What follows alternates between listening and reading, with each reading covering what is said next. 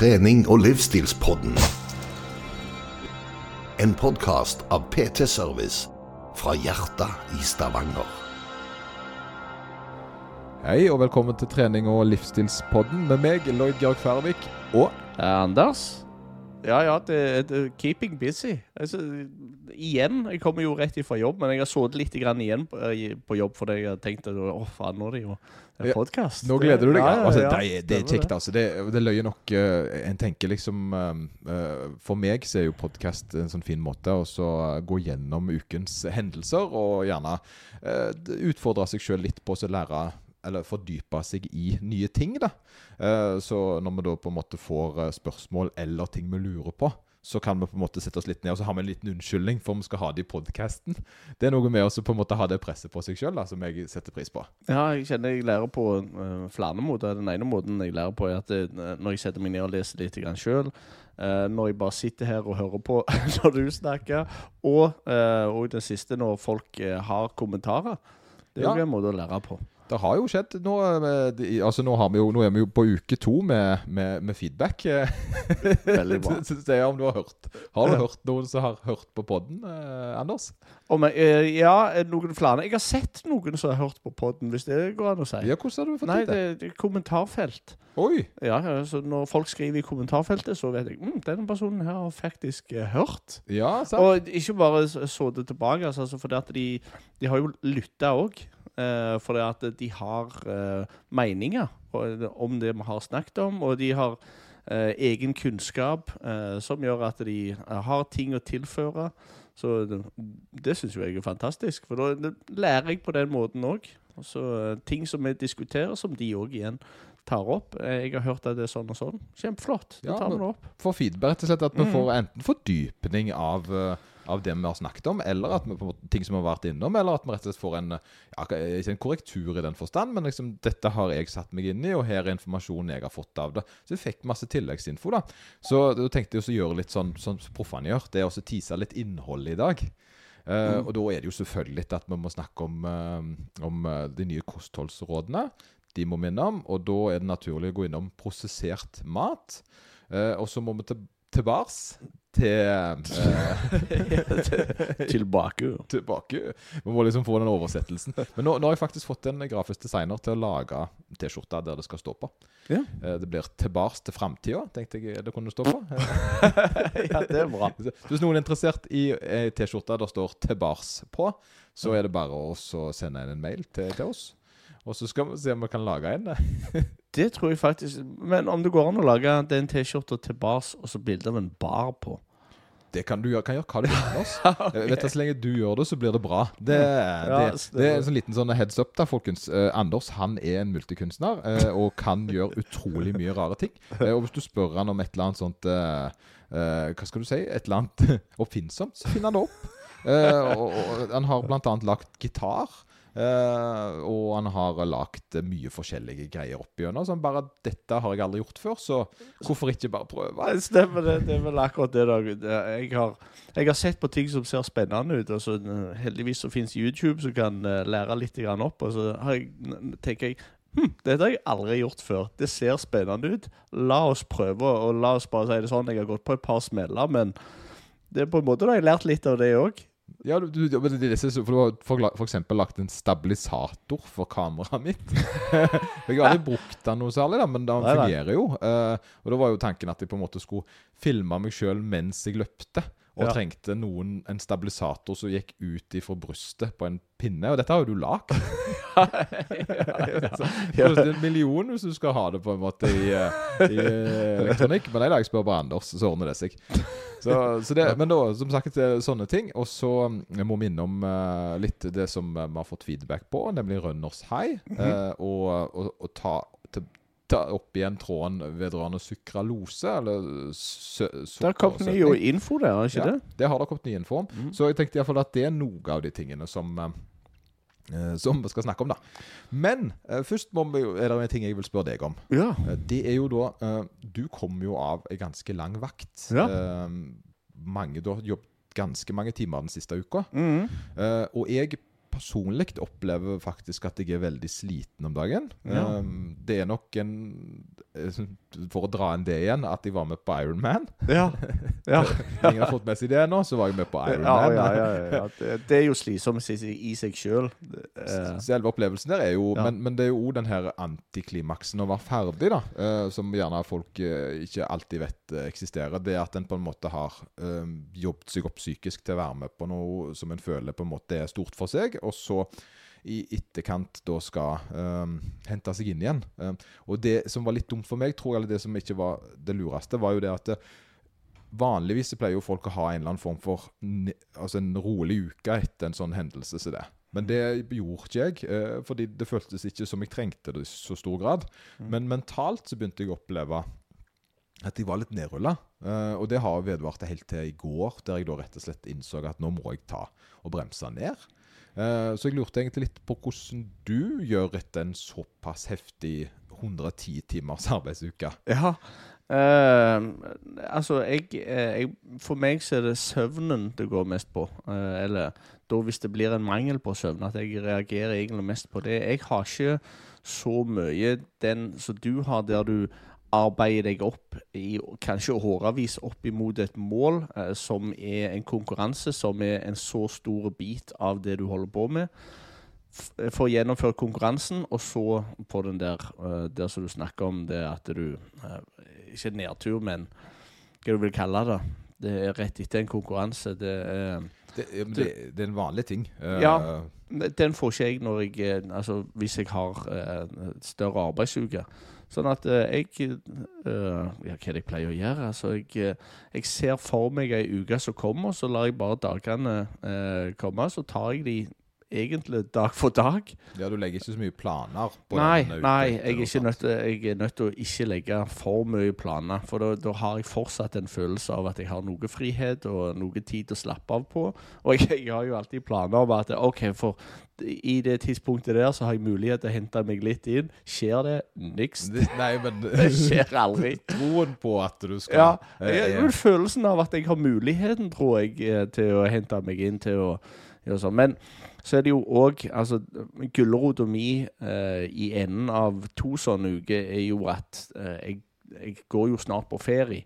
Så da igjen så har jeg den der følelsen av at eh, i etterkant av dette her, så kommer det et mål, og så får jeg slappet av godt når den ferien kommer. Sånn at eh, akkurat de arbeidsukene hvor det er eh, mye arbeid, hvor det er Eller eh, jeg er mye på jobb, heter det vel egentlig. Og så I tillegg så har jeg litt andre ting. Jeg skal på noen møte. Eh, altså Alt det er jeg bare nødt til å ta eh, dag for dag. Og så eh, Så får jeg slappet av etterpå, er tanken. Det, jeg tror ikke det kommer noen til gode hvis jeg, hvis jeg hadde gått og tenkt for mye på dette. Hatt en forventning av at ting skal bli tungt. At, jeg, tror, jeg tror ikke jeg hadde hatt godt av det.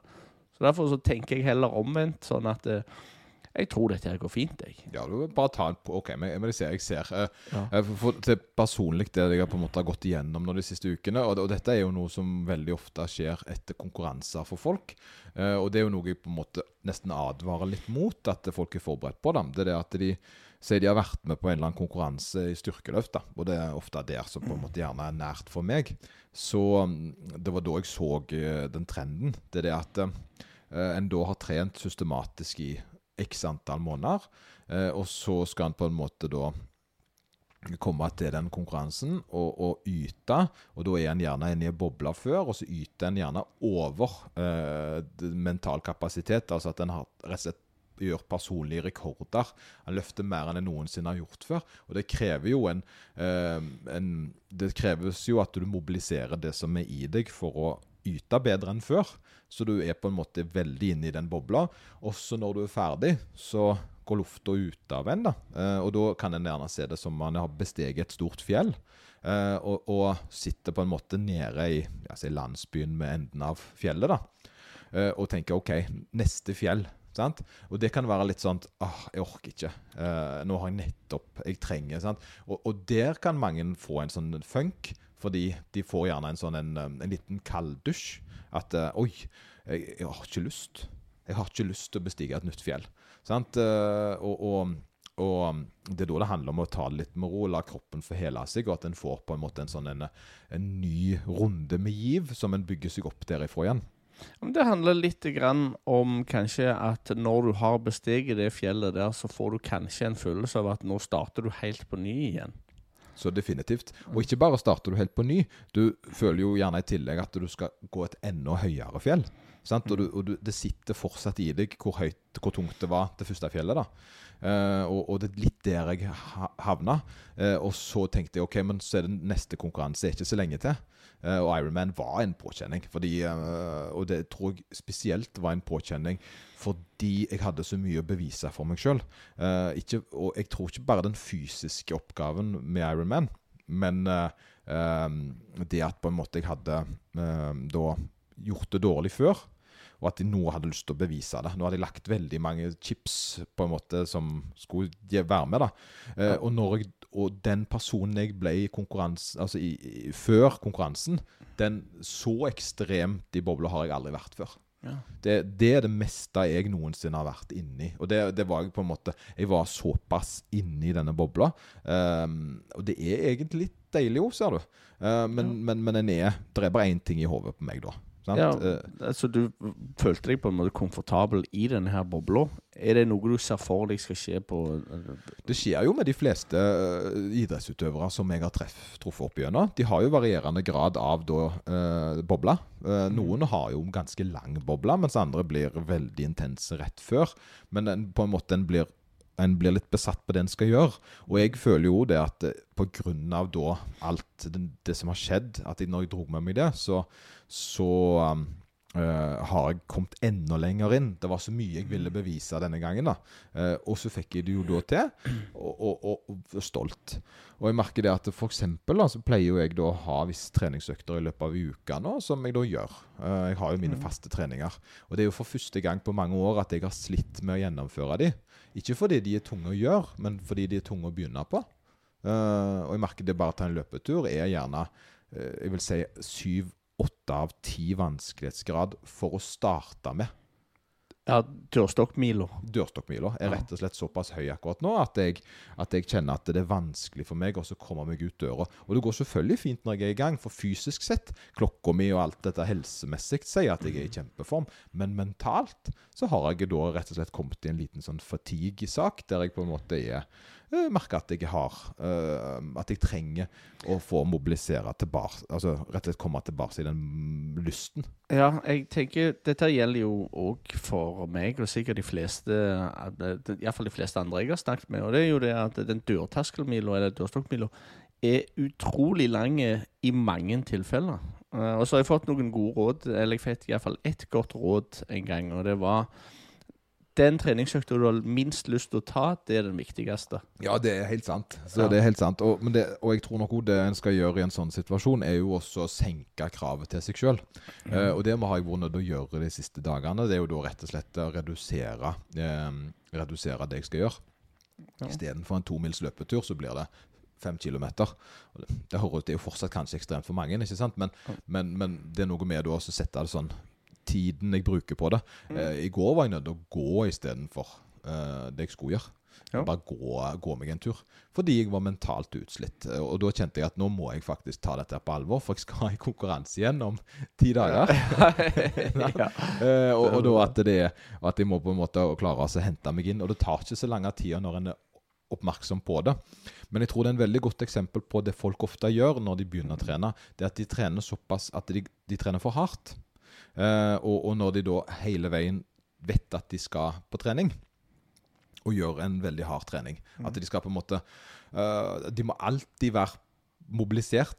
Så Ja. er det veldig krevende med den dør, dørstokkmila. Ja, ja. Eh, Så Derfor er det ofte lurt at den tar også Ikke at, at den på en måte har noen nøkkeløkter som er tunge, og så har en de fleste da på et litt lavere nivå som en klarer å gjennomføre uten at det krever så mye psykisk av en.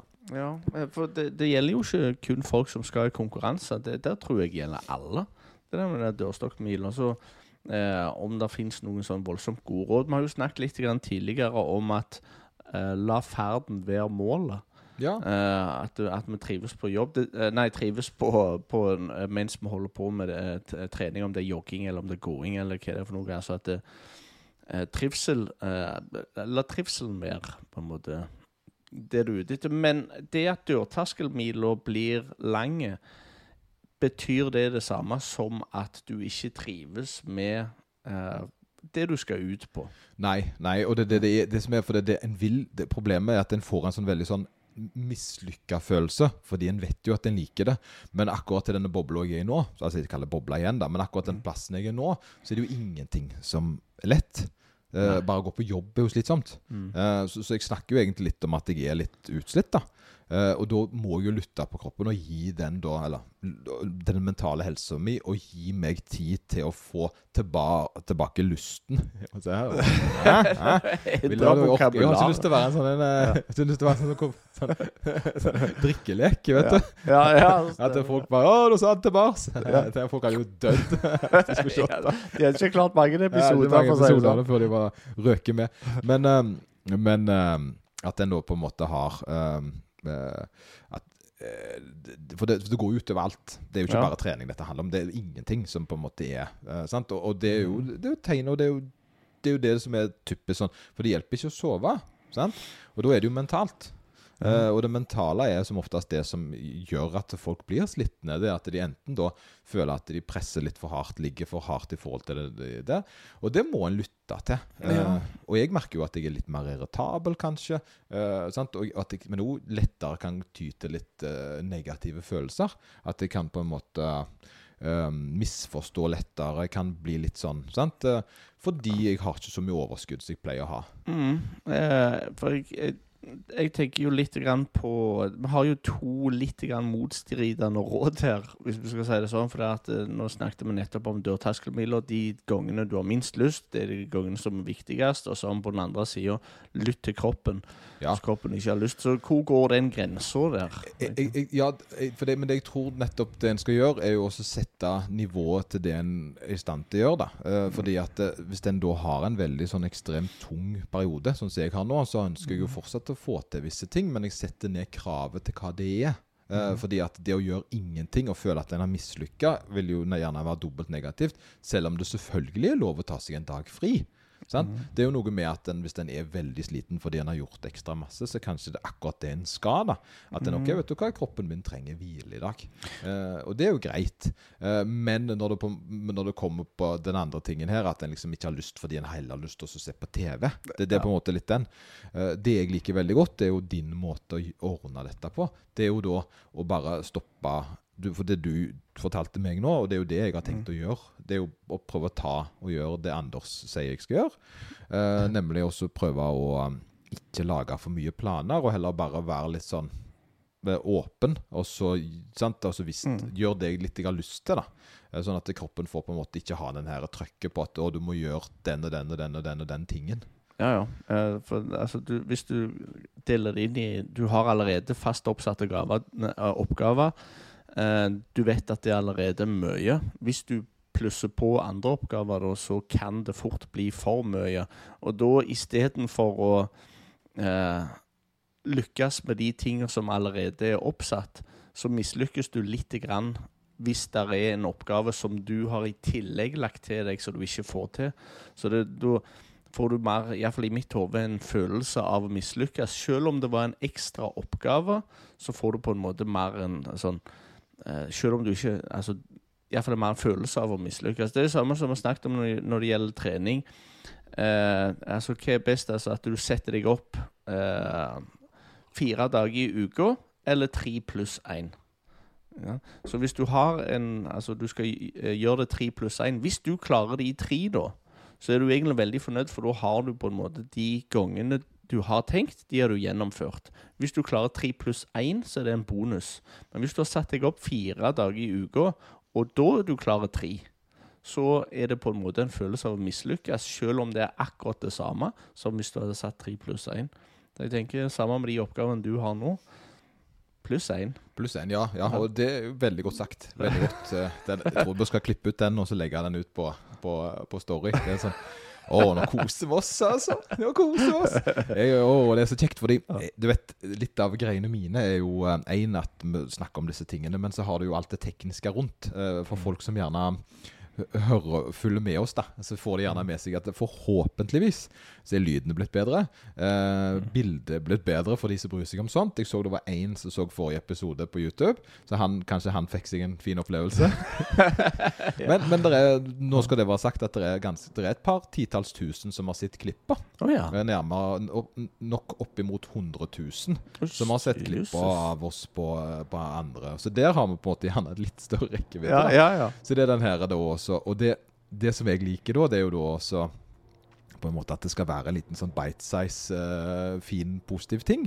Uh, og da må jo lyden være god, så nå har Anders fått seg en bedre mikrofon. Uh, jeg må bare beklage, for det virker nesten som sist at jeg har gjort det litt sånn dårlig gjort. eh, at jeg hadde den gode, og han hadde den dårlige mikrofonen. så det, det kunne jeg ikke stå for. Så derfor har vi utsatt podden i dag, fordi jeg har kjøpt inn den samme mikrofonen til Anders. Så det var ikke et eh, bevisst valg, eh, bare så det er sagt, altså. Stemmer med.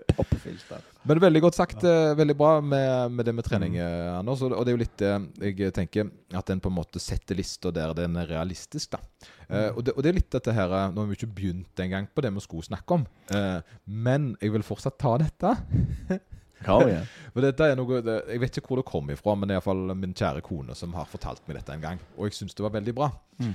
det er da at folk flest er utstyrt med et visst antall orker.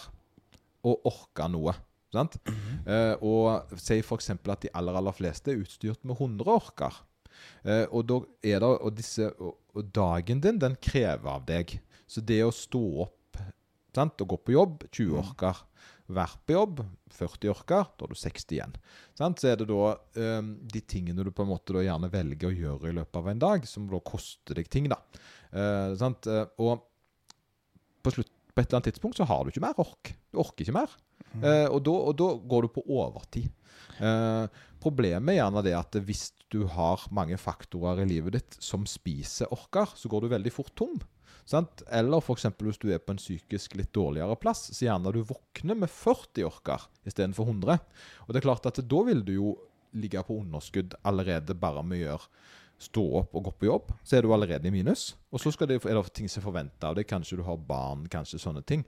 Og det er klart at det, det vil jo da hele veien få deg til å føle litt sånn at du skulle gjort mer. Du skulle ha gjort det, du skulle ha gjort det. Så har du en sånn veldig ond sirkel som på en måte du ikke kommer ut av. Fordi det å tenke på det du skulle ha gjort, sliter deg ut. Uh, samtidig som du da eh, ikke kommer deg ut av det fordi sant? Du er ikke på du er ikke klar over at du sitter inni denne, denne her spinnende saken. da. Eh, og det er noe med å ta vare på helsa si da, og så på en måte lytte litt til. Og jeg tenkte alltid sjøl det at det var litt egoistisk å fokusere på seg sjøl. Det har jeg alltid tenkt. Det var sånn da jeg var yngre. Men så innså jeg det, eller det var ikke, jeg innså det vel ikke, men det var noen som sa dette til meg. Det er det at eh, hvis du er med bra mental helse, så er du bedre stand til å ta vare på de du er glad i. Sant? Mm. Og da ble det plutselig en mye mindre egoistisk handling å ta vare på seg sjøl. Det. Men, men det, det, som når du sitter på fly, når maska detter ned. Ta på deg egen maske før du tar på de andre. Ja? Hvis du ikke klarer de egen, så klarer du heller ingen andre si. Å, se der. Ja, bra, bra, Anders. Bra tilskudd. Ok. Ja, men det er bra. Det er bra. Ja, du er gode. Ja, vi er ferdige da. Og da, Det var, det kan vi bare Det er Sånn som de sa i, sånn som de sa i eh, eh, Seinfeld. Det er jo etter hvert bare en 20 år gammel referanse. Jeg sier ikke mer. Um, ja vel. Kostholdsrådene, Anders. Ja. Har du fått med deg noe om de? Jeg har fått med meg litt grann om uh, nye kostholdsråd. Vi har jo snakket om de på jobb òg. Ja.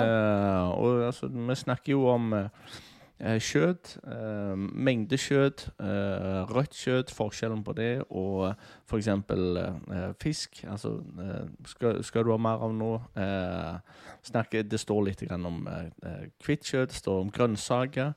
Eh, og hvordan du skal eh, variere kosten, eller hvordan du skal sette de sammen, er vel egentlig på optimal måte.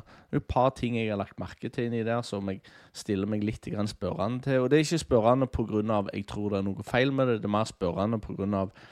Eh, hva er grunnlaget for at de har kommet fram til dette her? For det, det, det virker som det er et par ting som henger sammen når de har kommet fram til akkurat denne løsninga.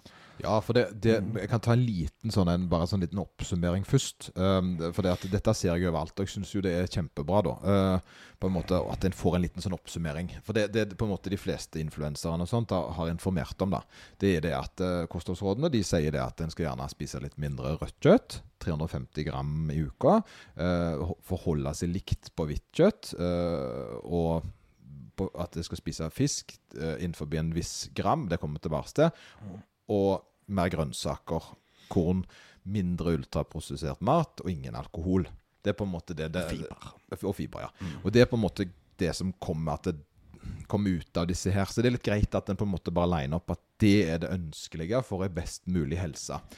Konfliktene rundt disse rådene her dukker jo da opp pga. litt andre ting. Fordi øh, Jeg vet ikke hva du syns sånn hvis du tenker sånn over over hele fjøla. Hva tenker du da, Anders? Tenker du at det er dårlige råd, eller tenker du um, Nei, eh, jeg, jeg tror ikke det er dårlige råd. Altså, det er jo, jeg ser jo for meg at det er et par dette kan gå utover. Og eh, altså tenker jeg, er det likt for alle? For det at jeg tror forskjellige folk kan ha forskjellige behov. Eh, nå vil jeg ikke si at eh, noen trenger ikke eh, den og den eh, kost... Altså, så mye grønnsaker sånn og sånn, men Uh, jeg tenker uh, der er noen som trives mye bedre med den ene maten enn den andre. Det er noen som f.eks. ikke kan eh, altså fordra fisk, f.eks. Så du, vi vil ha individuelle forskjeller, sånn at uh, skal jeg spise mat som jeg hater pga. at det står at dette skal du gjøre? Er det noen, Hvilke indikasjoner har jeg på at jeg spiser riktig allerede? Det er et veldig godt, veldig godt spørsmål. For det er det som på en måte Det, det sinnet folk gjerne kommer ut med. Det er jo uh, først og fremst da at de føler på en måte at det blir dratt, dratt inn klima. Uh, at mye klimating er dratt inn i dem. Uh, og så er det jo da litt av problemet her er jo som vanlig disse avisene som drar fram på en måte det hysteriske. Eh, og det er jo rødt kjøtt som på en måte har fått, eh, fått eh, kjørt seg her. Fordi de anbefaler en veldig lav mengde med rødt kjøtt og prosessert, altså pølser. De legger på en måte det litt i haugen her, da. Og det er 350 gram. Og for folk flest så er det veldig lite. Eh, og da når en på en måte eh, heller anbefaler at en skal ha, eh, skal ha type bønner og linser, så føler en gjerne at noen tar ifra deg gleden med maten og skal gi deg på en måte en sånn en veganerrolle. Det er liksom den her, Ja. tror jeg, da. At det rett og slett er den der Nei, nå må du slutte å spise entrecôte. Nå er det Nå skal du spise linser. Ja. Eh, og for noen dette, dette føles som et angrep. Mm. Eh, og, men, men her har, den er litt todelt. For det, at det som jeg på en måte har satt meg inn i forhold til når jeg har lest her, da, da, det er det at eh, La oss ta et par ting, da. Eh, det med rødt kjøtt. Mm. Den, den er litt spesiell, syns jeg. Fordi de norske rådene på 350 Litt usikker på om det er nordisk eller om det er norsk. De er mer ekstreme enn de har satt andreplasser. Uh, det er 75 gram, gram til dagen. Uh, eller det blir vel Nei, 75. Fem, 50 gram til dagen i Norge. Uh, mens det nesten er dobbelt i andre land. Uh, Ja. Så de har satt et høyere eh, gram i noen land. England f.eks. har et høyere uh, inntak. Men er ikke dette basert på samme forskning? Jo, men her er tingen, ser du. Det er at uh, rødt kjøtt har beviselig vist å uh, gjør være negativt for spesielt tarmhelse. Og det er noen metastudier jeg, jeg føler på en måte litt den her Litt skummelt å si sånn er det. Men sånn som jeg har forstått det, så er det en korrelasjon mellom å spise mye rødt kjøtt og, eh, og kreft i tarm. Sant? Så, og det, den negative effekten da blir på en måte Jo mer du spiser, jo større risiko blir du utsatt for uh, i det da. Men Ja, grønnsaker Mm. har da den motsatte effekten. Så hvis du kombinerer rødt kjøtt og grønnsaker i stor grad, så kan det bekjempe på en måte det negative det røde kjøttet gjør. Eh, Så der har du på en måte en liten sånn en sak. Da, da. Så det handler jo litt om hvordan en kombinerer eh, matvarene for å få negative eh, det negative utbyttet som disse studiene linker til. Og Det er jo derfor de da anbefaler en lav mengde, fordi det kan føre til noe negativt. da. Mm. Eh, Eh, Har de sagt noe om altså, prosenten på risikoen? Altså eh, risiko, det sannsynlighet og konsekvens. Altså Konsekvensen har vi nå sagt at eh, det kan være eh, mage-tarm-problemer, kanskje kreft. Hva er sannsynligheten? Altså Hvor mye den øker ved å ete mer? Og hvor mye mer er farlig? Ja, det, nå skal jeg ta det, Da tar jeg det fra hodet. Ja, ja, ja. Eh, og, og da det er viktig å informere om, eh, det er at eh, når en da skal på en måte lese noe sånt, så hører folk en prosent, så tenker de Oi, oi, oi, det var en veldig høy prosent, da. Så når jeg da sier at um, en så og så stor mengde av rødt kjøtt uh, har en negativ effekt i forhold til 10 til jeg tror det er opp mot 17% så uh, vil det da ikke være at 10-17% av befolkningen Det er jo da av de som allerede Det er på en måte ytterkants. sant? Hvis at eh, um, Hvordan skal vi forklare det? Hvis én av 1000 uh, har, um, har et eller annet, så er det en promille. Men hvis du da tar prosenter av de igjen, så blir det 1,1 promille av 1000. Sant? Hvis jeg Ja. sier 10 av de, så er jo det av den lille promillen, da. Ja, ja. Så, så når en da sier at en 10-17% høyere risiko, så tror jeg det er snakk om de som allerede er i risikofeltet. Det er ikke på en måte sånn at eh, to av ti får tarmkreft av å spise rødt kjøtt. Ja. Men de som er disponert, så er det 20% mer sannsynlig at de får. Det er jo det sånn jeg har forstått akkurat den studien der. Men det her må jo på en måte være veldig sånn at det der er da en risiko for å få eh, For å få en eh, type negativ effekt av å spise rødt kjøtt. og Det er derfor de da sier maks 350. Men at da studiene da blir slått litt i hjel med grønnsaker. og Derfor har de sagt veldig mye grønnsaker, opp mot 800 gram. Ja, for det er jo litt grann sånn som jeg har forstått uh, uh, røyking òg, f.eks. Det er røyking det, altså, Da skal jeg ikke si noe positivt om røyking, men hvis alle hadde vært like utsatt for å få den samme typen kreft, la oss si lungekreft, så hadde alle fått eh, eh, lungekreft av røyk på det samme tidspunktet fordi de hadde røykt akkurat den samme mengden. Men alle er ikke like disponerte. Alle har ikke muligheten til å få det like lett. Noen har enklere for å få det enn andre. Og da tenker jo jeg over på det som du sier nå. Det, det ligner jo litt grann Alle har ikke muligheten til å få denne type eh, kreft som vi snakker om. Så kostholdsrådet Men det er heller ikke mulighet eller, eh, til å sjekke om du er disponert. Ja, det er Men- ikke et gen som du er Altså Det er ikke som en uh, som type Hva det heter for noe hvis du har uh, cøliaki, så er det på en måte en ting i deg. Ja. Uh, det, men da kan du si da at hvis du har det i familien, så er du Det er større sannsynlighet for at du er disponert for den type kreft. Ja, det stemmer. stemmer. Og det er jo da det de ser på. Det er derfor de da anbefaler Mm. eh, på en måte at en spiser litt mindre rødt kjøtt, fordi akkurat det. ikke sant? Eh, mens da Og her er litt av greia, hvis en skal lese den studien, da, så sier en at eh, ja, men det står jo at du skal ikke ha mer enn 350 gram med hvitt kjøtt heller. Eh, det er en anbefaling, eh, men på rødt kjøtt så står det maks. Ja. Sant? Og her er den veldig fine forskjellen. Det er at eh, det en da sier, det er at eh, det er lurt å ligge innenfor disse, men du kan gå over uten at det har noe helsemessig negativ effekt. For det er mer en anbefaling at eh, sant? Hvor mange eh, brødskiver skal du spise til dagen, på en måte. Litt i forhold til hvor aktiv du er. Eh, det er noe, er, de klarer ikke På hvitt kjøtt så kommer de med anbefalinger om hva mengder du skal være på, men det er ingenting som tilsier at du blir syk av å spise mer.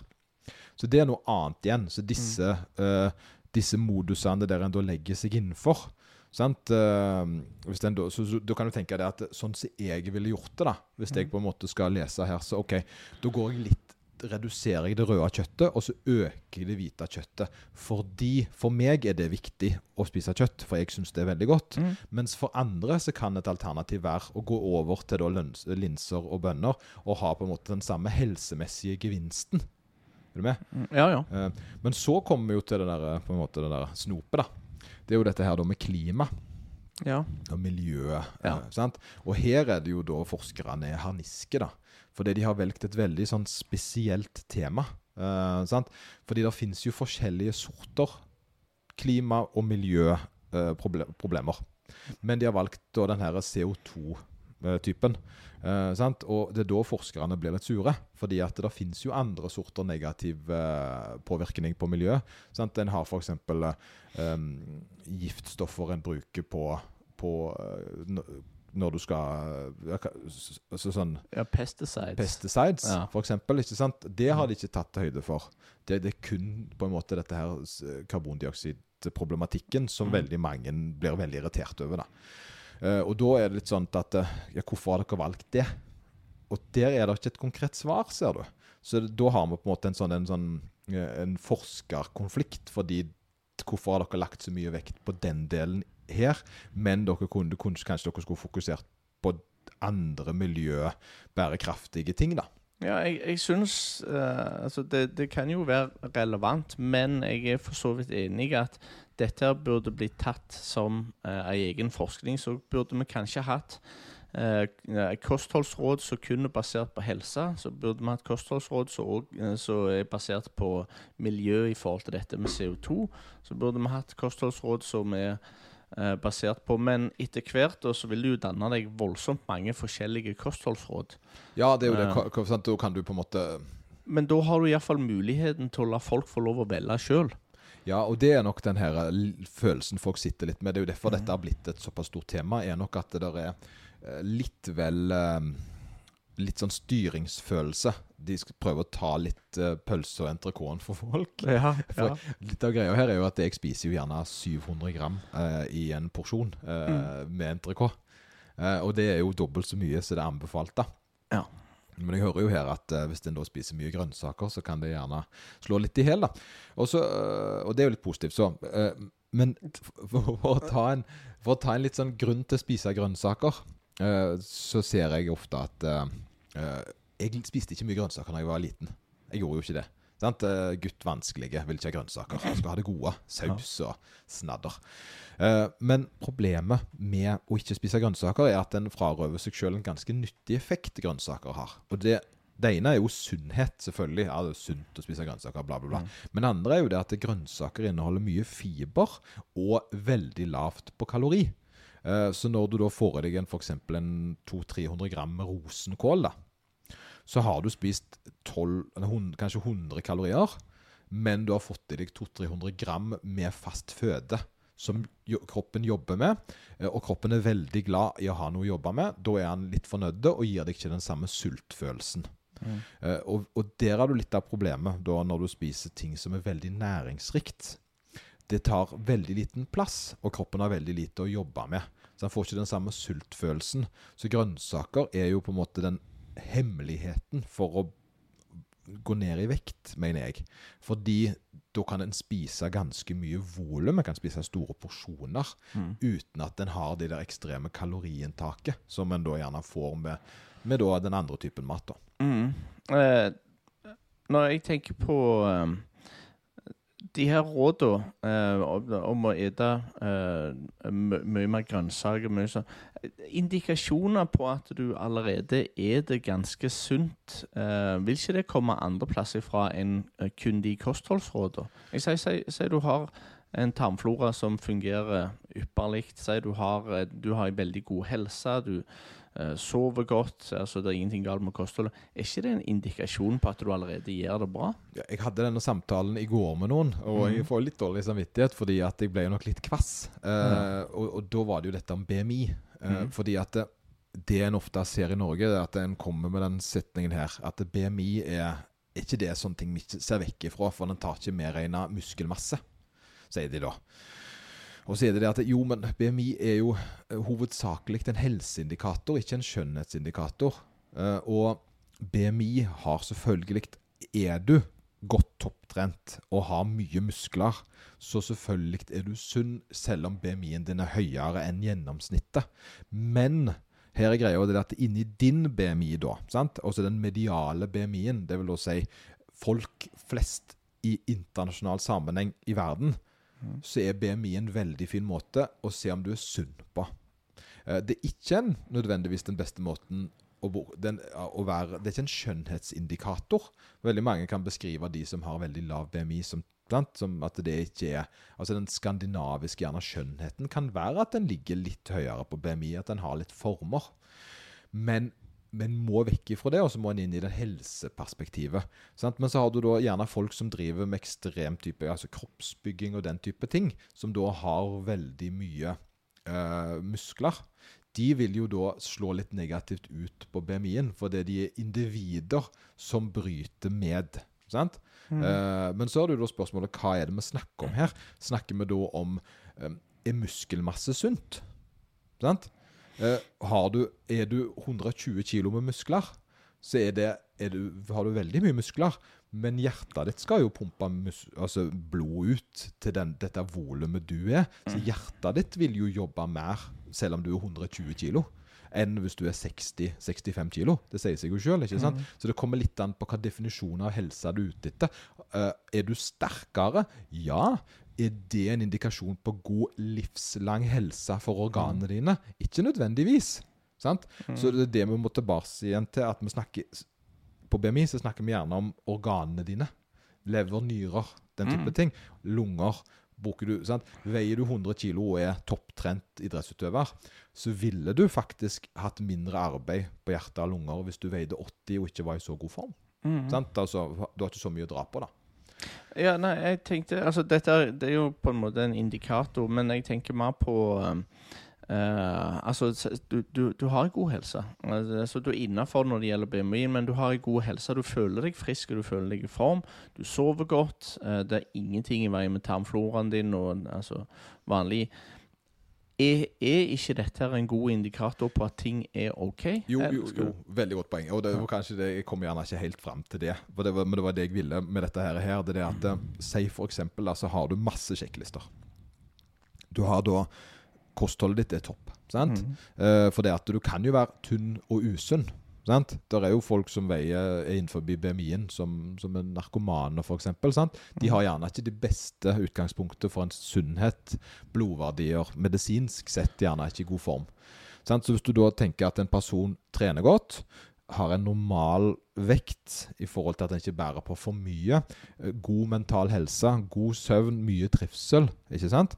Alle disse er jo indikatorer på at du er i god mental og fysisk form. Og så kan du bli påkjørt av en bil. Så dauer du. Sant? så, så det er på en måte litt av den her, da. At den, eh, at den, at den eh, Det er ikke ei sjekkliste der du skal krysse av alt på. Sant? For da blir en gal. Da blir det sånn dere, eh, For det her handler litt om det viktigste av alt. Hva er det som får folk til å bli gamle? Genetikk. Genetikk og, og mental helse. Er en psykisk syk, uansett hvor frisk en nødvendigvis er fysisk, så, så trenger, kan det ene slå i hjel det andre.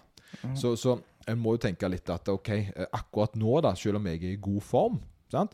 eh, så er jo den mentale helsa mi tydeligvis litt lavere enn den pleier å være, fordi jeg er sliten. Og hvis jeg fortsetter i denne veien her, så spiller det jo egentlig ingen rolle hvor mye jeg trener og hvor godt jeg spiser, fordi jeg er jo ikke på en god plass mentalt, som da kan være en veldig negativ totalpakke for meg. da. Så her handler det jo litt om å finne den balansen, og dette er da litt av det, litt av det, litt av det, og så ender du opp på en bedre plass enn du var. Ja. Ser du for deg at eh, dette kommer til å være noe som faller litt grann i fisk pga. at de har dratt med dette her miljøet uh, inn i uh, Nei, det tror jeg ikke. Det tror jeg faktisk ikke. Fordi at jeg føler akkurat nå så er alt handler litt alt om miljø. Nå så vi Ja. at nå skulle en slutte å ha privatfly fordi at det var dårlig for miljøet. ikke sant? Jeg leste Ja. det i avisa. Og det, det blir litt sånn at en på en måte eh, det, er det er tydelig, det er jo viktig. Uh, det er veldig viktig, men her har du litt med alle andre uh, praksiser i verden, så starter en ikke med de minste endringene. En bør sant? Det er litt sånn Du bør ikke gå på det Du fjerner ikke det som er viktigst, du fjerner det som er minst viktig. Så Samtidig så bør en gjerne starte en ende som har litt større innvirkning på det totale. da. ja. Uh, og du tenker det at Om meg og deg spiser eh, koteletter mindre i uka, så har det totalt sett ganske lite å si, selv om det selvfølgelig sier det har en positiv effekt. Så ville jeg tenkt ok, vi kan heller gjerne kjøre mindre bil. sant? Altså At vi kan gjøre disse tingene som gjerne sånn, At vi kan gjøre andre ting som gjerne har større impact totalt sett. da. Ja. For det er jo eh, det, det, Vi er veldig delte.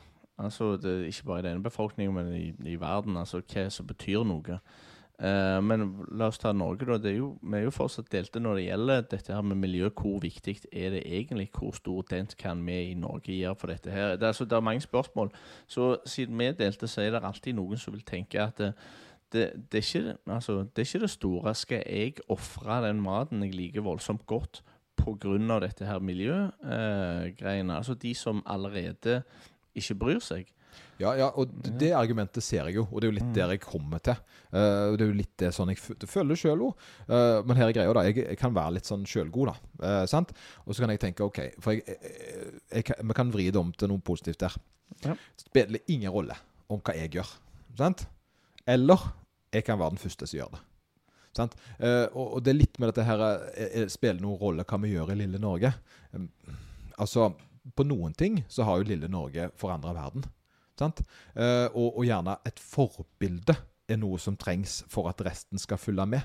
Uh, trender, moter, musikk går jo over landegrenser. Uh, og hvis det ikke spiller noen rolle for oss som kan gjøre det, og vi ikke gidder, hvorfor skal de da som gjerne har det verre enn oss, være de som starter? På noen plasser så kan det faktisk være sånn at vi i Norge burde være en liten sånn eksempel på hvordan det kan gjøres, sånn at de neste land kan se I Norge gjorde de sånn, og det har resultert i ditten og datten. Og selv om lille Norge har en veldig lite fotavtrykk i forhold til resten av verden, så kan det være et veldig stort fotavtrykk hvis alle ser det. Mm. Og det er litt sånn en eh, Og, har, og hvis det, den lille fotavtrykket starter med at jeg, gamle, sure Lloyden, på en måte gjør endringer, ja. så, så er jo ikke det nødvendigvis en negativ ting, da. Nei, nei. Eh, sånn som det ser ut i forhold til altså, hva du skal ete, så skal det jo egentlig være en positiv ting. Så eh, jeg tror ikke de eh, Det kommer til å skje noe negativt hvis du velger å følge de nye kostholdsrådene. Uh, nei, nei. Det, for helsa di så vil du definitivt ikke det. Og det er jo det viktigste, at vi tar ut akkurat det med miljø og tar ut det med det røde kjøttet. Jeg, jeg er helt enig. Jeg skal prøve å spise litt mindre rødt kjøtt, og så skal jeg spise, prøve å spise litt mer fisk. Ja. Det er vel egentlig det jeg har bestemt meg for. da. Der er nok en del som uh, ikke kjører strømbil pga. miljø, men de kjører strømbil pga. at det er billigere for dem. Det gjør ingenting. Det, det, er egentlig en legitime grunn, det. Men det samme kan jo gjelde kostholdsrådet. Hvis du ikke nødvendigvis gjør det for miljøet, så kan du jo gjøre det for deg sjøl allikevel. Helt sant. Hvis du finner noe som fungerer for deg, så er jo det kjempebra. ikke sant? Og ja, om det tilfeldigvis i tillegg er en liten miljøvennlig sak, så, så får det bare være. Ja, ja, ja. du gjør noe for miljøet. Ja, åh, det var ikke det jeg skulle gjøre. det var ikke derfor jeg skulle gjøre det. Lite spørsmål akkurat der. For det at rødt kjøtt ble satt i sammen med prosessert kjøtt. Ja. Kjøttdeig. Er det greit? Det er jo det, for det er jo prosessert. Uh, altså Nei, rødt kjøtt? Ja, rødt kjøtt, ja. ja jo, men, men kjøttdeig, pølser, er jo som oftest rødt kjøtt. Uh, ja, ja, ja. ja. Altså, det, det men tilsatt forskjellige salt og Ja, Ultrapasteurisert, mm. tenker en på. Nei, ultraprosessert, beklager. Ja. Uh, mm. Og det er jo litt av greia her. Det er jo en litt sånn fin Segway til det neste. Veldig bra, veldig bra. og nå er det jo veldig mye snakk om det, og her òg er det vi har med en sånn runde vedrørende ja, mange som på en måte Å, det der samtalen samtale om ultraprosessert. Men hva er det egentlig? Litt av problemet er det er veldig vanskelig å huske, syns jeg. Jeg syns hva som er prosessert, og hva som ikke er ultraprosessert. Synes jeg, Det er fem nivåer, på en måte, uh, som er veldig vanskelig å, å huske og forstå. Uh, og der burde en gjerne gjort litt grann for også, uh, at det er enklere for folk å forstå hva de har gått over i denne her feil bås. da. Så jeg er litt sånn på at jeg kaller det for prosessert mat, eller ultraprosessert mat. At den på en måte i alle fall Hvis vi, hvis vi skal begynne en plass, gjør vi der. Så kan vi heller begynne på de fem nivåene etter hvert. Prosessert mat, det kan godt være sunn mat. Sant? Prosessert mat kan være grønnsaker som er lagt i hermetikkboks. Sant? Det er ikke nødvendigvis usunt, bare fordi at det er varmebehandla satt i boks. Sant? Veldig mye mat er prosessert før du får den uten at den er usunn. Uh, hvis han er, va, va, hvis den er vaska eller varmebehandla, så er han prosessert. Han har gått igjennom en prosess. Når det skrider over i tilsatt stoffer, sant? ultraprosessert mm. Det betyr når en på en måte tar det såpass langt vekk fra det opprinnelige uh, utgangspunktet at det da er blitt en type farseprodukt. Og ikke nødvendigvis kjøttfarse, men det kan være farse ifra Kjeks, for eksempel. Et, jeg føler kjeks er et veldig godt eksempel på et farseprodukt. Mm. Der du da har mye sukker. Alt er blanda sammen. Smør, egg, bare knust sammen, varmebehandla, og egentlig tilsatt masse salt og alt. Bare for oss, og da sitter du igjen med noe som er veldig høy på kalori eh, i forhold til gram. Kroppen din da blir ikke mett av å spise det. Det er veldig eh, egentlig sånn heftig for tarmsystemet ditt. Det er vel egentlig det de på en måte sier. Mm. Og her er jo konflikten. For det at eh, det er ikke 100 bevist. Det er det WHO gikk ut og sa, at eh, vi må passe litt på fordi at eh, sant? Det Mm. kan være litt negativt for tarmen. Ja, ink- inkonklusiv. Men jeg er litt sånn føre var her, tenker jeg nå. ok, eh, Nå kan jeg være litt føre var, og så kan jeg tenke ok, ja, men det er jo et godt poeng. Kanskje en skal unngå litt grann unødvendige ting, så lenge en kan velge bedre. Hvis jeg synes maten min kan være mer på den prosesserte hylla, at den er nærmere den opprinnelige eh, eh, standen sin, så er det bra. Sant? Så Istedenfor å spise kyllingnuggets i frityr, så spiser jeg kyllingfilet. Mm. Sant? Da har jeg på en måte gjort den litt sunnere. Eh, smaken syns jeg er OK for det. Sant? Eh, Og det er litt der at den på en måte kommer veldig langt ut på den her spagetti på boks med tilsatt salt og alt mulig greier, istedenfor den opprinnelige, mer opprinnelige formen. da. At den på en måte prøver å komme så nært mot uh, dyr eller planten som den, det var ment å være. da. Mm. Er det noe automatikk i at eh, de, er, folk som spiser veldig mye ultraprosessert mat, har en dårligere helse enn de som spiser mindre? eller? Ja, ja, men det, altså det ene er jo da den overvekta, som gjerne kan skyldes mye av at en spiser ultraprosessert. Fordi en av grunnene Det trenger ikke være kaloririkt når det er ultraprosessert. uh, men det oftest er det det. Så, så snop og uh, generelt ganske høye ja, kjeks, uh, type ja, pølser. Sant? Farsepølser er jo eh, veldig energirike. Folk skjønner gjerne ikke hvor mye energi det er i en pølse. Hvis du spiser fire grillpølser, så får du nesten i deg en hel Grandiosa. Visste du det? Nei. Og det tenkte du gjerne ikke. Så Nei. hvis du kan velge mellom en Grandis og fire pølser, så føler du gjerne at du Med blir- pølsebrød, da? Eller Uten pølsebrød. uten pølsebrød? Ja, for det er pølse med pølsebrød, ketsjup, sennep, Mm. alt med, sju til himmels. Da snakker du 500-600 kalorier. Da er du på to pølser i pølsebrød mot en Grandis. Ja. Næringsrikt. Sant? Ja, ja. Eh, og, og det er klart det at eh, da er vi tilbake Tilbake til eh, grønnsakssituasjonen. Spiser du da 300 gram med rosenkål, så har du Mm. 100 kalorier. Spiser du ei pølse med brød med ditten og datten, så har du gjerne 120 eh, gram mat. Og 600-700 kalorier energi.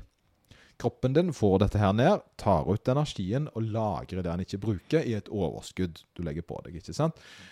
Volumet du får i deg, er såpass lite at kroppen har veldig lite å jobbe med, så du føler deg fortsatt sulten. Mm. sant? Så der er den der, eh, litt av den negative effekten. Det er jo på en måte den ene med overvekt, men så har du også den andre det sunnhetsperspektivet. At du får i deg veldig høye nivåer av ting en gjerne ikke skulle hatt så mye av. Eh, sant? Salt, sukker, diverse, diverse. da. Ehm, ja, for jeg vet ikke hva jeg tenker om uh, eh, For jeg, det, noe jeg har hørt eh, om ultraprosessert mat, er òg at uh, det, det ligger forskning bak det.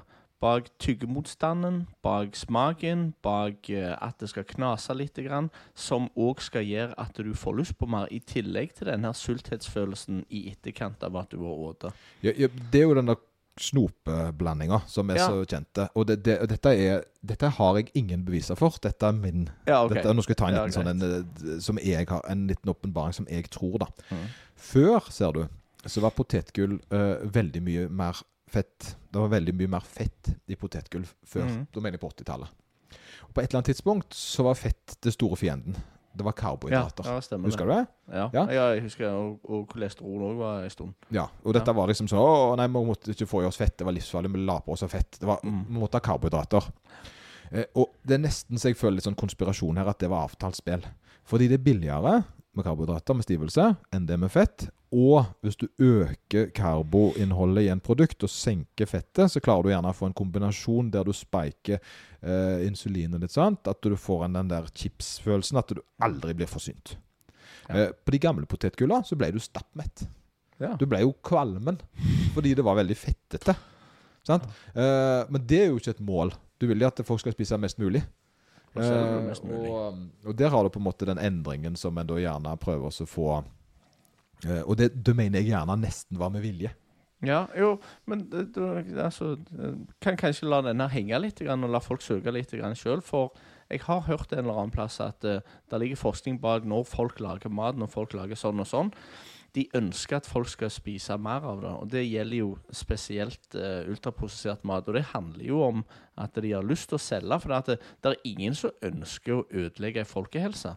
Men folk eh, kanskje bryr seg litt mindre pga. at de skal selge. Ja, ja altså Det sier seg jo ikke, men det- du tenker hvis du går tilbake til røyk og røykealkohol Ja, Det er jo folk som selger det vel vitende om at dette er dødelig for folk. eh, sant? Og da tenker jeg jo gjerne det at de har jo rettferdiggjort det på en eller annen måte for seg sjøl. De har jo sagt at eh, jo, jo, altså jeg vet jo at røyking er farlig, men det er jo et eh, Sant?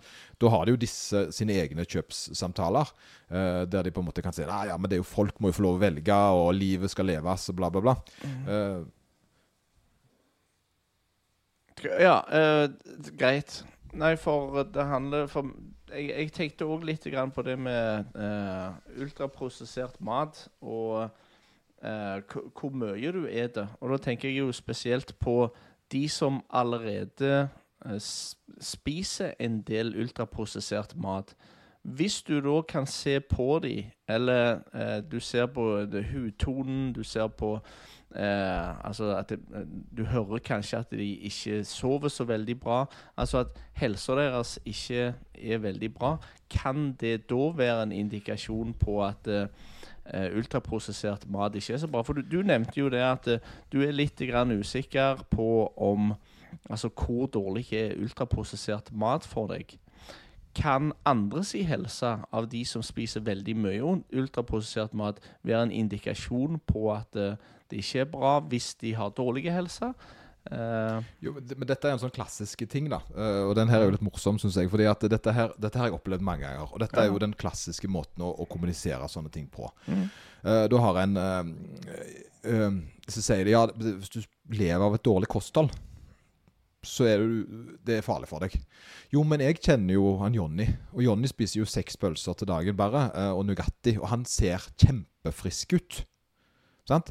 Han er veldig godt trent, og han ser bedre ut enn deg. Ikke sant? Eh, og, så er argumentet da at eh, bare fordi han eller hun eller den overlever på et kosthold som i utgangspunktet vil bli betegna som usunt, så bekjemper det den mediale guidelines. Sant? Eh, Ja, men han, han kan leve hvordan han vil. Så, så, så har en da et par sånne faktorer som er litt viktige. Én, du vet jo ikke egentlig hvordan Jonny har det. Du vet jo egentlig ikke hvordan, hva Jonny spiser når du ikke er med han. Kanskje Jonny sitter og spiser mye grønnsaker og sånt som, du, som ikke passer inn i historien din. Ergo eh, så har du ikke tatt med det i den. Sant? For du ønsker jo gjerne at eh, det skal være mulig å gi faen og fortsatt ende opp lykkelig. Sant? Men, men tingen er det at er Jonny 20 år og lever sånn, så har Jonny en ganske stor sannsynlighet for å sprette tilbake hver dag. Eh, fordi restitusjon, evnen hans til å hente seg inn og sånn. Men jo lengre han lever sånn, jo større skade vil det ta over tid. Og det er jo det en gjerne ser på 40-50-årene. Noe som gjerne er veldig uinteressant for en 20-åring. Så ser en da hvis at en kommer da i en eh, kommer i en, en setting der en treffer på veldig mange gamle venner når en er 40, da, så ser en jo Jeg har jo plutselig venner som har eh, sant, tar hjertemedisin. Sant? Så, som på en måte er kommet en plass i livet der de virkelig De orker ikke så mye. Sant? De har, de har, eh, de, de har eh, de, de rett og slett blodtrykksproblematikk. De, de har dårlig allmennhelse. Noen har til og med fått hjerneslag. Mm. Sant? Eh, og det er ikke nødvendigvis pga. kost, men gjerne enten genetikk eller andre uforutsette ting. Uh, og så skal en ikke si at ja, men jeg har det bra. Én er jo at du er heldig, gjerne, for at du har kommet så langt. Men en vil ofte se at de som har tatt best vare på helsa si prosentmessig, har det best på sikt. Mm. Sant? Og det er jo det vi tenker litt på. Vi tenker jo ikke at hvis du spiser rosenkål nå, i dag, så er du frisk. Pang. Sant? Det er jo det at du vil fortsette å holde deg frisk lengre. Og, og, og det spiller gjerne ikke noen rolle når du er 20, når du er 30, men når du er 50, når du er 60, så plutselig så har all den sparinga, om du vil Det er litt som å spare penger til pensjonen din. Mm. Plutselig en effekt som gjør at eh, livet ditt er bra lengre. Før du da til slutt dauer og råtner osv. Ja. Halleluja. Ultraprosessert mat pluss trening, eller eh, alle de nye kostholdsrådene uten trening? Uh, og her, nå skal jeg si noe sånne uh, Alt du gjør for helsa di, er bra. Men du vil heller være eh, normalvektig og utrent enn overvektig og trent i forhold til helse. Det sa det en ganske stor studie nettopp. Mhm. At hvis at du eh, trener, men veier for mye, så er, det, er du i dårligere allmennhelse enn en som ikke trener, som da veier mindre. Mhm. Så det kan en ta med seg litt hvordan en vil, da. Eh, og, og da er jo gjerne løsningen For det er veldig få som har endt opp i en overvektssituasjon av å spise for mye grønnsaker. Sant? Ja. Eh, jeg endte ikke opp med å veie 135 kilo fordi jeg var veldig glad i rosenkål. Det er favorittgrønnsaken min. Det var Var det smågodt. Det var smågodt. Ja, Så var løsningen der, altså. Det var eh, en pakke eh, Åh, den herre øh, salt Godt og blandet. Søtt, Oi. salt og syrlig. Én mm -hmm. til dagen Oi. og en Urge. Eh, og den spiste jeg mellom jeg var i butikken og kom hjem. Det var ca. 150 meter, så at folk ikke skulle se at jeg hadde spist det. For da, de, da kommenterte de det. Utrolig irriterende. Dette var på ungdomsskolen. Ja. Så da var det jo om å maule i seg dette her på kortest mulig Det var en 1000-1500 kalorier ekstra den dagen der. sant? Fordi det er såpass mye. Det var ikke grønnsakene jeg hadde til middag, for å si det sånn. Det, det var ikke det. Eh, men det meste er jo reversibelt, da. Og så er det jo noe med hvor, er en, hvor trives en hen. Uh, og for det er det det handler om her. Det handler jo ikke om at du skal oppnå en sånn peak human performance-greie. Det er jo ikke det. Sant? Det er jo ikke det at du skal bli uh, Han er mye bedre enn meg fordi han spiser jo dobbelt så mye rosenkål. Sant? Mm. Har du det bra? Er du med god helse? Klarer du å gjøre det du ønsker å få ut av dagen din? Kjempebra. Sant? Eh, her er det forskjellige måter å nå det målet på. Du kan trene litt mer, du kan spise litt bedre. Sant? Du kan gå til en psykolog. Ja, ja, stemmer det. altså, eh, alle faktorene er med og bidrar. Ja. Så jeg tror ikke at en skal si hva er viktigst, eh, fordi at det vil da gjerne torpedere litt de som har valgt en annen vei enn den vi anbefaler. da. Ja, ja, for jeg tenker det handler litt om psyken òg oppi dette her. For det er noen som kan trives voldsomt godt med akkurat det kostholdet de har. Eh, tar vi ifra de det kostholdet der, så er det ikke sikkert de har det så bra med seg sjøl i psyken sin. Og det tror jeg kan være eh, vel så vanskelig som å ha altså, et somatisk eller kroppslig problem pga. Eh, på grunn av spisinga. Ja, altså, du, du ser jo mange av de som er over 100 år, som eh, drikker konjakk og røyker sigarer. Sant? Altså, og, og gjerne det, Og her er tingen, ja. Det er jo ikke Det er veldig viktig at det er jo ikke løsningen. Sant? Nei. Men den mentale helsa di har gjerne Mm. hatt det mye bedre. Som har vært en del av de positive tingene, selv om det i utgangspunktet har vært negativt for helsa di. Mm. Og så er det jo det greia at hvis en spiser, spiser en, drikker en konjakk, da All alkohol er for øvrig u, ikke bra for deg i forhold til de nye greiene. Det betyr ikke at du ikke skal drikke alkohol, men med måte. Det står til og med. Så du den der nye forskningen på uh, det slankemedisinen vi snakket om for uh, forleden? Nei, nå, nå snadder. Å ja. ja. Vi kunne kanskje tatt opp en annen gang òg. Men det òg viste seg å ha effekt på Eller de snakket om at det kunne ha effekt på alkoholkonsumet. Det, det er mange som eh, snakket Eller det som det sto om i den forskningen, var at eh, det er mange som rapporterer tilbake at så lenge de sto på den type medisin, så fikk de mindre lyst på alkohol. Så kult. Ja, jo, jeg, men jeg leste litt seinere òg at de hadde ei gruppe med folk som fikk medisin, og ei gruppe som fikk eh, placebo. Ja. Og det viste seg at det hadde likt utslag på begge to. Begge gruppene drakk mindre alkohol. Men de, de skulle ha mer forskning på det nå, for de viste at det, det kunne være et funn. At de hadde lyst Ja, på ja, ja, ja, men- mindre lyst på alkohol. Men placebo er jo definitivt en eh, ting en bør følge litt med på. da og, Ja, ja. Og, og, Men jeg tenker jo det at eh, hva er det disse gjør, disse medisinene? De skal jo regulere litt eh, den belønningsdelen av hjernen, sånn at en ikke på en måte føler at en skal trigge det med mat Mm. eh, og spise. Og, da, og, og, og det kan jo være alkohol, at en gjerne har litt Veldig mange drikker jo alkohol for å medisinere seg.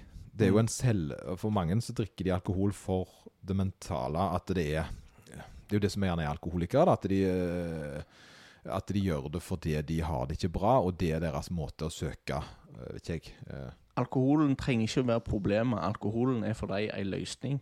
Sånn at de har et psykisk problem i, eller de har et problem i utgangspunktet, tyr til alkohol, og så er alkoholen løsninga. Hvis du blir kvitt det, kall det et psykiske problemet, så eh, kan det òg være at du blir kvitt alkoholen. For alkoholen i noen tilfeller bare er løsning. Ja, og så har du det andre med at hvis du begynner på en eller annen form for livsstilsendring som er Mm. positiv for deg, sant? og det kan være enten med å spise bedre, eller trene, eller gjøre aktivitet og sånn, så har det ofte positive eh, medvirkende årsaker, som f.eks. at en gjerne velger å stå litt over alkoholen. da. At det en ikke trenger det fordi en har gleden en annen litt annen plass. Så at det, at det det er jo ofte det en ser, da, det at når en på en måte begynner med en sånn positiv reise for seg sjøl, så tar det, har det positive bivirkninger på andre plasser enn det en gjerne tenkte.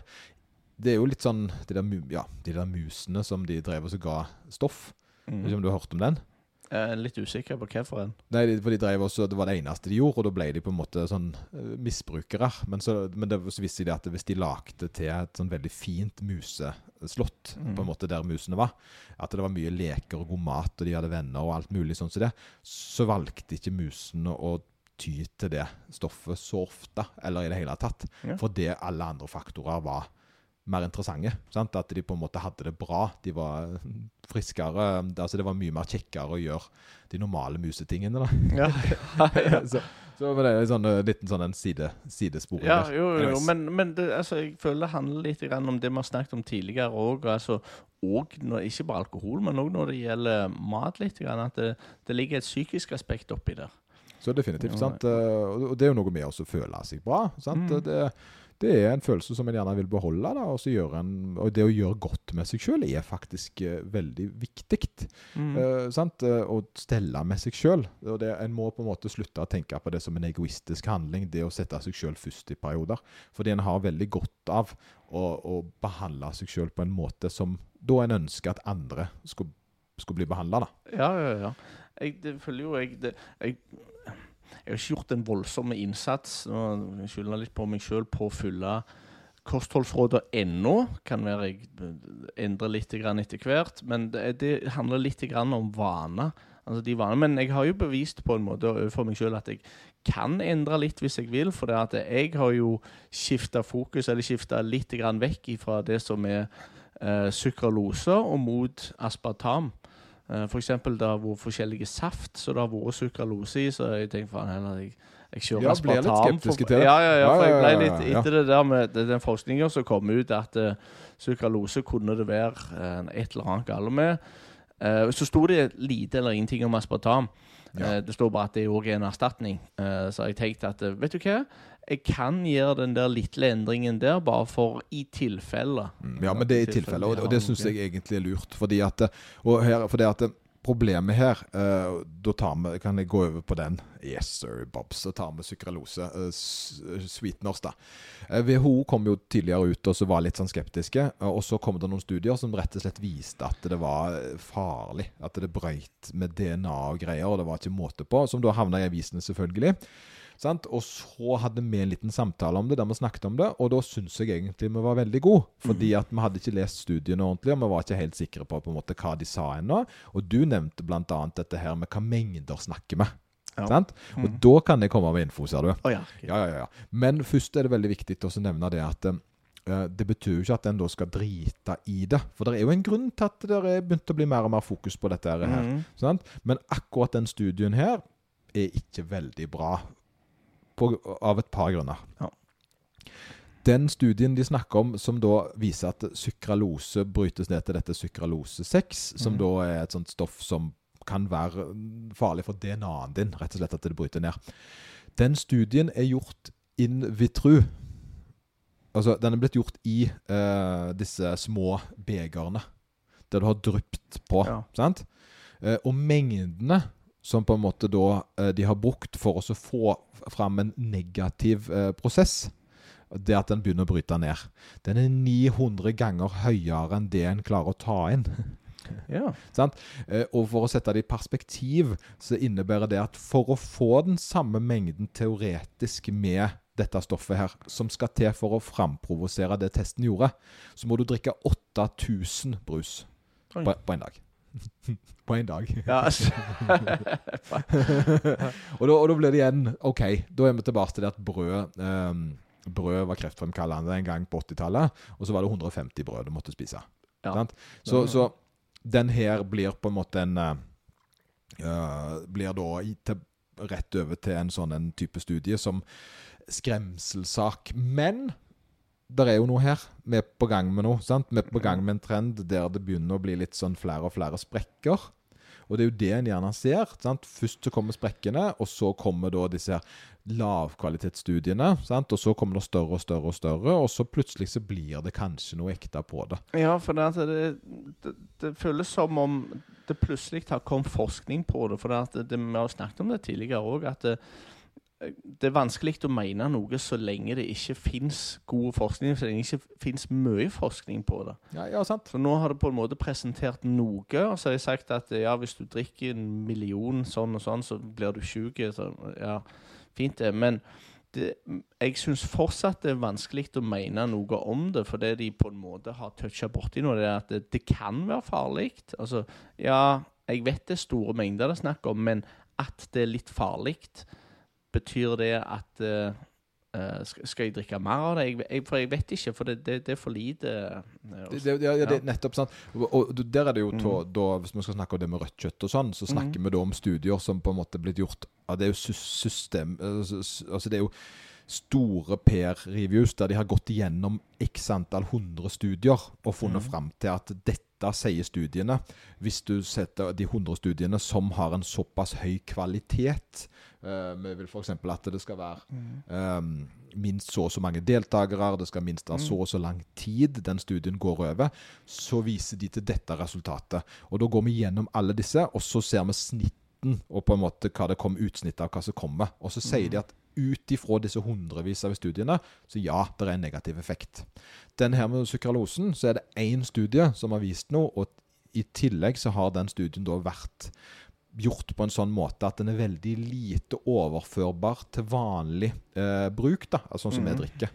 Eh, og da blir det litt sånn at den bør nesten bare overses, fordi problemet er at den selger aviser, men det er ikke sånn vi eh, velger oss å på en måte bruke uh, forskningen egentlig. Nei, nei. Uh, og det, det gjør det jo ting litt vanskelig, for det, det, det, fins en Uh, altså analyse eller en forskning som sier det. Men hvor mye forskning finnes det på de andre søtningsstoffene? Altså, Ekstremt mye. sant? Og da Ja. har du jo, det er ekstremt mye forskning som viser at det ikke er farlig. ja, jo. sant? Mm. Uh, og det er jo det som er greia. Uh, det, det, for det kommer nye som da på en måte har Men de, de, har, en, de har funnet en ny vei. Skjønner du? De har funnet Ja. en, ny, eh, en ny vinkel. For det er jo Mm. det som er eh, Dette kan ha vært der hele tida. Men det er ingen som har kommet på å sjekke det før nå. Og så har det heller ikke vært noen som har kommet inn på sykehuset med store da, problemer, som da vi kan linke tilbake igjen til at ja, alle disse som har disse eh, eh, det for uh, symptomene, har gjort det samme. Sant? For eksempel det var en sånn allergimedisin som viste seg å gjøre at du var veldig negativ for hadde sterke bivirkninger. Det, mange som hadde tatt den allergimedisinen, eh, de fikk disse bivirkningene, rapporterte de til lege, og så ble medisinen tilbakekalt. Dette har jo ikke skjedd, selv om hele verden drikker det. Ja. Sant? Og da, da har vi på en måte en liten sånn en OK, langtidsvirkningen Over hvor mange år snakker vi? Er det langtidsvirkning 40-50-60 år? Det vet vi jo gjerne ikke ennå, fordi dette kom på 80-tallet, om jeg ikke tar feil. sant? Så vi har ikke så lang data ennå at vi kan på en måte si at hvis du drikker det over 80 år, så Mm. sant? ja.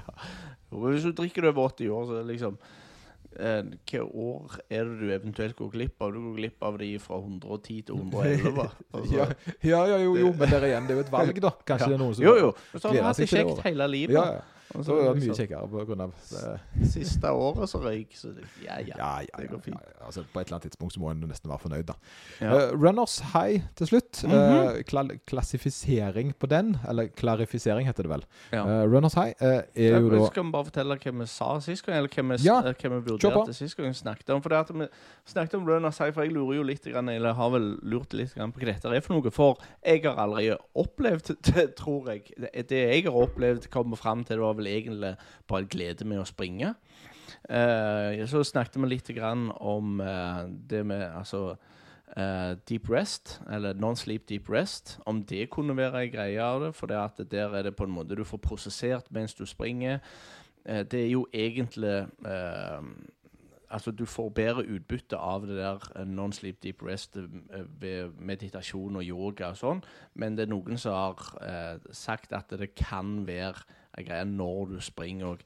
I tillegg så eh, snakket vi vel òg litt om det der å gå på autopilot når du sprang. At du eh, Ja, føttene bare går, og du er litt grann din egen verden. Så eh, snakket vi litt om kan dette her være greie, altså når, når vi snakker om eh, runners high. For i så fall så kan det være jeg har opplevd det likevel, bare jeg ikke visste det. Så har vi faktisk fått eh, en kommentar på noen som har eh, eh, litt peiling på dette her. Eh, du har undersøkt, jeg har undersøkt litt, grann, iallfall når det gjelder det med hormoner, men så kan du ta det videre. Skal jeg ta det videre? Ja. ja. Jo, for vi fikk jo feedback, og det er jo det som er litt Mhm. kult nå. For nå har vi jo gjentatte ganger fått feedback på eh, Nå begynner det jo egentlig å vokse litt til her i Lunder, Veldig bra. og, og, og det er litt stas. Mm. Eh, vi hadde jo på en måte feil begge to. Eh, samtidig så ga vi jo veldig mye positive ting. Men definisjonen på runners high har jeg da fått. Eh, for vi hadde rett på tingene vi sa, men definisjonen må vi korrigere. Runners high er noe som skjer etter trening. Jeg trodde det skjedde under trening. Okay. Eh, og runners high ligger i ordet. Du blir høy Ja. Av Det er en form for belønning. Og det er en ikke en um, Og det er hormonelt, ja, men det er ikke de vanlige euforiske hormonene som en gjerne uh, vanligvis uh, kommer. Det er, det, for jeg måtte sjekke opp i studier på dette her greiene her. Mm. Og de har funnet ut at uh, kroppen dumper cannabinoid og opioid, op, opoid-lignende hormoner etter løping. Ja. Eh, som da er, kan minne litt om å røyke sånne uh, rev. Ja, jo, nei, oppi, opiat, det er jo morfin og heroin og den gjengen der. Ja, men det er kroppslige varianter av den. Eh, Så det var ikke snakk om disse uh, dopaminvariantene som en gjerne trodde da, at en skulle få på en måte en liten lykkefølelse. Men kroppen dumper rett og slett eh, litt sånn avslappende eh, effekter på deg. Mm. eh, som en belønning for at du da har vært ute og jakta. Eller da løpt langt, da. Ja. Så det er den følelsen av da eh, eh, melankoni, avslappet At du føler deg rett og slett litt sånn ja, fornøyd med innsatsen, som er runners high. Akkurat. Ja, nei, da Altså, hvis det er en form for eh, Kan du kalle det eufori Ja. i etterkant? For da tror jeg ikke jeg har hatt den. Da har du ikke hatt den igjen? Har- du sko på når du løper, Anders? Så Springer du på spiker, eller hva er det? jeg vet ikke. Nei, jeg har det jo kjekt mens jeg springer. Ja, Kommer ja, tilbake altså. Ja, nei, det, det- altså, det er jo det, det, Følelsen er ikke annerledes når jeg kommer tilbake, så jeg er jo fornøyd med ja jo, turen. jo, jo, men det, det er ikke, du ble jo ikke sånn Ja, mann. Ja, ja. ja mann. Ja. Gå så godt hei, gå så godt hei. Du, altså, du ble jo ikke helt uh, avskrudd. men, men- men da, da har jo på en måte eh, Hvis det, hvis det jeg har hatt, har vært runners high, så har jo på en måte hatt runners high av Da blir det gainers high òg, da. Ja, men du får det av all type trening, da. Du får jo den lykkefølelsen av uh, Det er en belønningssystem som kroppen har, som du får av trening, styrketrening, alt mulig. Og ja, så det, det er et ord på det. Det bare det at det er ikke noen forskjell på vanlige trening og sånn. De, de har bare funnet et ord siden du sprang nå, så derfor heter det Ja, ja, det er definisjon på at en, en lykkerus som en får. Men, den, eh, Ja, okay. som etterpå, men, men det kan her igjen så er det sånn at det er så forskjellige definisjoner. Noen blir jo helt vidle Og så skjer og jeg, og jeg, Men den gode løpefølelsen en har underveis, der alt stemmer og en bare er ett med naturen og får nesten litt tunnelsyn, Mm. det vil jo jeg beskrive som runners high. Det var det jeg òg trodde det var. Ja? Men det er jo bare en lykkefølelse. Altså, det er ikke runners high, men vi, kan gjerne coine et annet navn på det. For det er jo en reell ting. En har jo en stor glede, kan få en stor glede mens en holder på, fordi ting fungerer som det skal, og du føler en sånn euforisk lykkefølelse. Jeg føler det når jeg løper. Så da kan jeg kaste den tilbake til den, den som du sa til meg. Du har egentlig bare hatt en lykkefølelse mens du sprang, du. Ja. Double bird her. Oh, Jesus, her har du sett.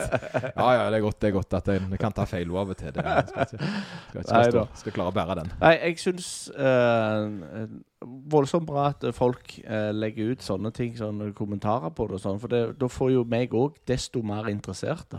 Ja, men det blir jo litt sånn «Hæ, Mm. Ja, men eh, for det at en skal jo på en måte eh, Og det er jo litt sånn risiko på en sånn en såpass lang pod, da. Så forteller en gjerne ting en har hørt, sant? Mm. Eh, eller ting som en med ganske stor sikkerhet. Og så kan en rote om litt på ting.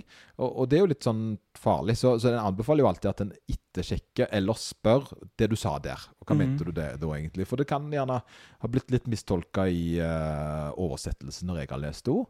Mm. Sant? Eh, men det var iallfall det som på en måte vi fikk der. For det, var, det er litt den her hunter-gatherer-tingen da hun definerte. Det var det hun Ja. skrev, da. Mm. At uh, her er det snakk om at en får på en måte en belønning fordi en har vært ute og jakta hele dagen. At det Mm. blir på en måte en sånn, sånn kroppslikt. Og det er jo logisk, da.